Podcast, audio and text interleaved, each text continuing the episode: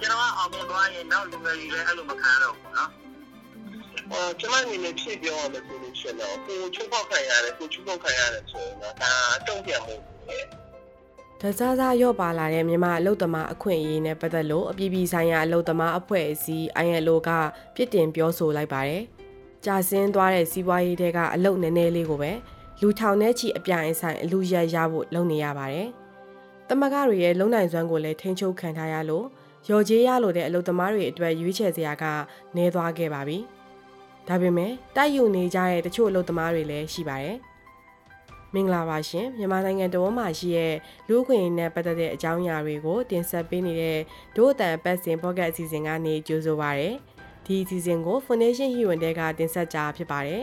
ဒီတစ်ပတ်ဆောင်းပါးကိုတော့ဒို့အတန်ရဲ့အလွတ်တန်းသတင်းတောက်ခင်နှင်းဖြူစိုးကတင်ဆက်ပေးထားပါတယ်ရှင်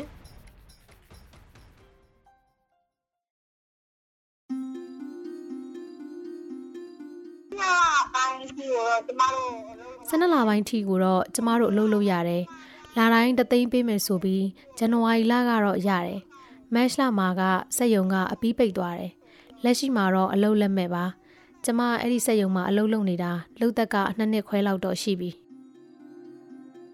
ရန်ကုန်ကစက်ယုံတစ်ခုမှာတနည်းလိုအားက4800နဲ့မက်ဂျီဂျီဝင်အလုပ်လုပ်ခဲ့ပါတယ်။2023ခုနှစ်မှာပြဋ္ဌာန်းခဲ့တဲ့အနည်းဆုံးလောက်ခလာစာဥပဒေအရ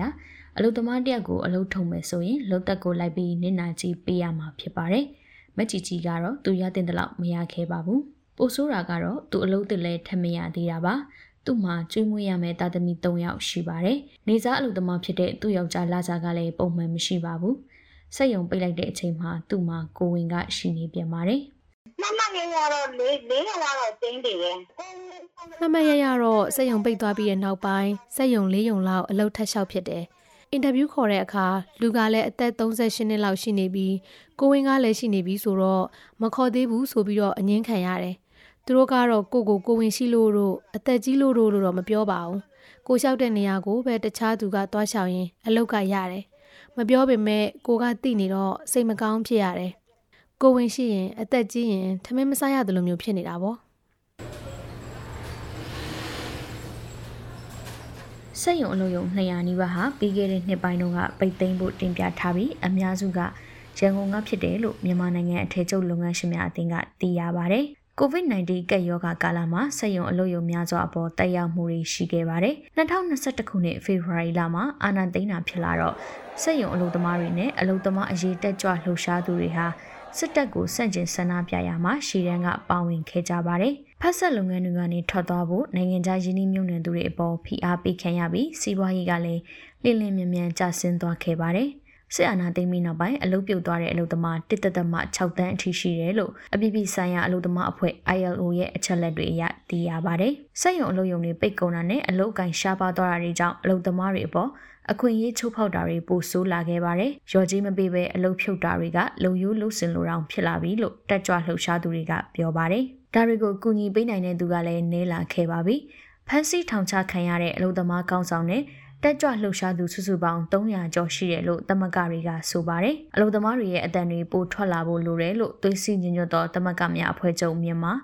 STUM ကဒေါ်မျိုးမျိုးအေးကပြောပါတယ်။ဘုရားဆိုလို့ရှိရင်တော့တမလို့ရှိတဲ့နေရာတော်တော်များများမှာတမကရုံးတွေဖွင့်ထားကြတယ်ဆိုတော့သူတို့ကတည်နေတယ်လေရုံးနဲ့စိုင်းပုတ်တွေလည်းတင်ထားတယ်ကျွန်တော်တို့ဆိုလည်း စိုင်းဘုတ်တွေလည်းမရှိရုံးတွေလည်းမရှိပေါ့နော်အဲ့လိုမျိုးဆိုတော့ဒါစိုင်းဘုတ်တင်ထားတဲ့ရုံးရှိတယ်ဆိုလို့ရှိရင်အဲ့ဒီရုံးတွေကိုတောင်းပြီးပြင်တောင်းလို့ရတယ်ဟိုတော့ပေါ့နော်တော်တော်များကလည်းအဲဒီမှာဖန်ဆီးတဲ့အခါကျတော့ဒီ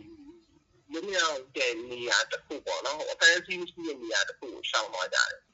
အော်ကျွန်မအနေနဲ့ဖြည့်ပြောရမယ်ဆိုလို့ရှိရင်တော့ကိုချိုးဖောက်ခံရတယ်ကိုချိုးဖောက်ခံရတယ်ဆိုရင်တော့ဒါတုံ့ပြန်မှုတွေဟို မတရားလုံးဖြုတ်လိုက်တယ်ဖြုတ်ခံရတယ်ဘာမှမပြောဘူးဆိုရင်တော့ဖြုတ်လိုက်တဲ့သူကသူ့မှန်တယ်လို့ထင်တာပေါ့ပေါ်လေလည်းပြောရတယ်ဒီလိုဖြုတ်လို့ရတယ်လို့ထင်တာလေ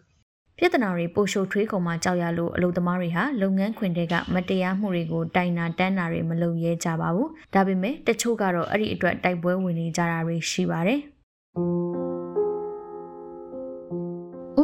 တောက်ဟန်တယောက်သူမန်နေဂျာလုပ်နေတဲ့စက်ရုံကနေဖေဖော်ဝါရီလကထုတ်ခံခဲ့ရပါတယ်။အလုပ်တွေအချိန်မီပြီးမြောက်အောင်မလုပ်နိုင်လို့ဆိုပြီးသူနဲ့နောက်အလုပ်သမား16ယောက်ကိုအလုပ်ထုတ်လိုက်တာပါ။ဒါပေမဲ့တခြားသူတွေကညှိနှိုင်းဆွေးနွေးတာတွေပြီးတဲ့နောက်မှာပြန်ပြေးလဲသွားခဲ့ပါတယ်။ဦးတောက်ဟန်တယောက်ပဲမပြေးလဲခဲ့တာပါ။အသက်64နှစ်ရှိနေပြီဖြစ်တဲ့သူအတွက်စက်ရုံဘက်က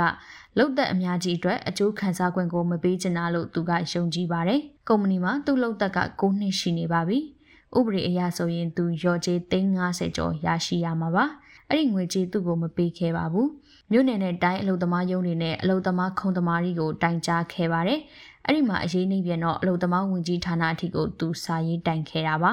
ဒီပြီးတော့တင်လိုက်တော့ဒီပြီးတော့ဝင်ရဲ့ဒီပြီးတော့နေပြီးတော့မရန်ကုန်မှာရှိတဲ့တိုင်းရုံးကိုပြန်လွှဲလိုက်တော့ဦးအိုက်တိုင်းရုံးသွားတယ်အဲ့မှာညှို့မှုပေါ့တိုင်းဦးစီးမှုပေါ့အဲ့လူအပြင်ဆင်းလာတော့အဲ့ဒီညချမ်းက အစိတ်ရအောင်တောင်းပေးမယ်နောက်၅သိန်းတောင်းပေးမယ်တဲ့ခင်ဗျလက်ခံပါရဲဆိုဆရာကျွန်တော်ကကျွန်တော်အမှန်ကန်ဖြစ်ကျွန်တော်လက်မခံနိုင်ဘူးမျက်နှာသူကတရားစွဲရဥပဒေတိုင်းတရားစွဲရဆိုပြီးတော့စာထုတ်ပေးလိုက်တယ်အဲ့ဒီနောက် STUM သွေးစည်းညီညွတ်သောသမဂ္ဂများအဖွဲ့ချုပ်မြန်မာကဝင်ရောက်ကူညီပေးခဲ့ပြီး Pepsi နဲ့ပတ်သက်တဲ့ online campaign တွေပြုလုပ်တာတွေကူညီပေးခဲ့တယ်လို့ဦးတောက်ဟန်ကဆိုပါတယ်။ သူ့အမှုကရင်ဆိုင်နေရဆဲပါအလုံသမားတွေဘက်ကတရားမျှတမှုရဖို့ဆိုတာအာဏာသိမ်းပြီးနောက်မှာပိုခက်ခဲလာတယ်လို့တက်ကြွလှုပ်ရှားသူတွေကဆိုပါတယ်အလုရှင်နဲ့အလုသမားကြားအငင်းပွားမှုတချို့ကတိုင်းဒေသကြီးဒါမှမဟုတ်ပြည်내ခုံသမားရီကောင်စီစီရောက်သွားပါတယ်။အဲ့ဒီမှာအလုရှင်အလုသမားနဲ့အစိုးရကိုယ်စားလှယ်9ဦးစီပါဝင်တာပါ။အလုရှင်ကိုယ်စားလှယ်တွေကစစ်အုပ်စုချပြီးတဲ့ကိုယ်စားလှယ်တွေနဲ့တစ်ဖက်တည်းဖြစ်တယ်လို့အလုသမားအရေးတက်ကြွသူတွေကပြောပါတယ်။ ဒါကြောင့်အလုပ်သမားတွေကသုံးမဲနှမဲနဲ့ရှုံးမိတာဖြစ်နေပါတယ်။ကောင်စီကိုကြော်နိုင်မဲ့နီးလန်းလည်းမရှိတော့ဘူးလို့မမျိုးမျိုးအေးကပြောပါတယ်။ 2008အခြေခံဥပဒေမှာနိုင်ငံသားတဦးရဲ့အခွင့်အရေးအရနိုင်ငံသားတယောက်ကပဲတရားရုံးတစ်ခုခုကနေချမှတ်တဲ့အမိန့်ကိုမကျင့်တဲ့ဘူးဆိုလို့ရှိရင်အဲနေပြီးတော့တရားရုံးတရားလွှတ်တော်ချုပ်တရားရုံးချုပ်ပေါ့နော်အဲ့မှာဒီစာချုပ်တော်တက်ခွင့်ရှိတယ်စာချုပ်တော်ကိုရောက်လို့တရားမျှတမှုရမယ်မရဘူးလေဒါဆုံးဖြတ်လို့တော့မရဘူးပေါ့နော်ဒါပေမဲ့နောက်နောက်တက်ဖို့စာကျွန်တော်ရှိနေတဲ့ခါကျတော့ဒီဟာမကျင်တဲ့ဘူးဆိုရင်နောက်တစ်ခုတက်လို့ရတယ်ဆိုတာမျှော်လင့်လို့ရသေးတယ်အာနာသိမ်းထားတဲ့ကာလမှာတော့အဲ့ဒီအခွင့်အရေးက အဲ့ဒါဟိုဟာရှက်တယ်ပေါ့နော်နောက်ထပ်စင်ခုံမှုတစ်ခုကလာစားပါကုန်စည်နှုန်းဘလောက်တက်တက်လာစာတွေကတက်မလာပါဘူးအရင်ကတနေ့စာလောက်အခါကစားဖို့တောက်ဖို့လောက်ငှားပေမဲ့အခုကတော့မရတော့ပါဘူးအလုပ်သမားတွေဟာကုကယ်ရမယ့်ဖြစ်နေရပါပြီအလုပ်လေးတစ်ခုမပြုတ်ဖို့အတွက်ဖိအားပေးပြီးအချိန်ပိုခိုင်ခိုင်အခြေခံလစာထက် short ပေးပြီးလုပ်နေကြရတာပါပဲ တချို့အလုပ်သမားတွေကလုပ်ငန်းခွင်မတိကျမှုတွေရှိနေလို့စက်ရုံတစ်ခုကနေနောက်တစ်ခုကိုပြောင်းနေကြရပါတယ်အဲ့ဒီအခါမှာသူတို့လုံသက်ခန်းစားခွင့်တွေမရှိတော့ဘဲတခါပြောင်းနိုင်အစ်စ်ကပြန်ပြန်စနေရတာပါနေစီလာစီနဲ့ခလေးမွေးရတော့မဲ့မက်ကြည်ကြီးဝင်းလိုအလုပ်သမားတွေကမိုးပြီးသွားလို့ရှိရင်တော့ဒီမှာပြန်ပြီးတော့အလုပ်ရှောင်မယ်အမခေါ်တာခေါ်တာတော့သူတို့အကြောင်းပေါ့နော်လောကမွေးပြီးရင်ကျမပြန်ပြီးတော့အလုပ်ရှောင်မယ်မခေါ်တာခေါ်တာကတော့သူတို့အကြောင်းပေါ့ရတဲ့အလုပ်ကတော့ရှောက်ရမှာပဲ အဲ့ဒါမှမရဘူးဆိုရင်တော့ရန်ကုန်မှာနေထိုင်ရတည်ဖို့ကမလွယ်ကူတော့ဘူးဆိုတော့ AR တိုင်းဘက်ကအမျိုးတွေစီကိုပြောင်းရွှေ့နေထိုင်ဖို့စဉ်းစားထားတယ်ကျမအနေနဲ့ကမပြောင်းချင်ဘူးဆိုပေမဲ့လည်းမတက်နိုင်ဘူးကန်တရားပေါ့တစ်ဖက်မှာတော့ဦးတောင်ဟန်တယောက်ဟာသူ့အခွင့်အရေးအတွက်သာမကပဲတခြားအလုပ်သမားတွေအတွက်ခွန်အားပေးနိုင်ဖို့ဆက်လက်တိုက်ပွဲဝင်နေစေပါဦးထင်တာတော့သူတို့လုံးလို့ရလို့လုပ်ကြပဲလူသမားတွေကငွေကြီးရတာနံပါတ်1မပေးဘူး ဆိုတော့ပြမှန်ရလားနဲ့အမှန်တရားဖြစ်တာနဲ့လုံးဝမှငွေကြီးလည်းမရဘူးပြောမယ်ဆိုအကုန်လုံးအဲ့တော့အလုပ်သမားတွေစိတ်ဓာတ်တွေလည်းပြပြနေတာကိုစိတ်တွေမခံကျင်ဖြစ်နေကြတာပေါ့နော်အလုပ်သမားတွေကအဲ့လိုမျိုးဖြစ်စိတ်ဓာတ်ရေးရတယ်မလို့ပြက်ပြားပြီးတော့အဲ့ဒါပဲမဲ့ကဲစီခုမှလူရှိဖြစ်နေတာပေါ့ကွာဥလို့ရာလူကြည့်တဲ့ဆန်တော့အဲ့လိုဖြစ်နေအောက်လူကပူပူတော့ချက်တော့ခါတော့အမှန်တရားဖြစ်တဲ့အတွက်ကြောင့်မလို့ ဒီခုခံစား권ရကျင်တာပေါ့နော်အဲ့တော့ကျွန်တော်ကတော့မမှန်ကန်ကန်လေးကျွန်တော်နဲ့ဥလီတိုင်းကျွန်တော်ဖြစ်စီနေတာပေါ့နော်ကျွန်တော်ကအောင်မြင်သွားရင်နောက်လူငယ်တွေလည်းအဲ့လိုမခံရတော့ဘူးပေါ့နော်ကျွန်တော်ကအဲ့လိုမအောင်မြင်အောင်နောက်လူတွေလည်းနေလာဖြစ်တော့ပို့ပြီးတော့ရောက်တက်လာမယ်ပေါ့နော်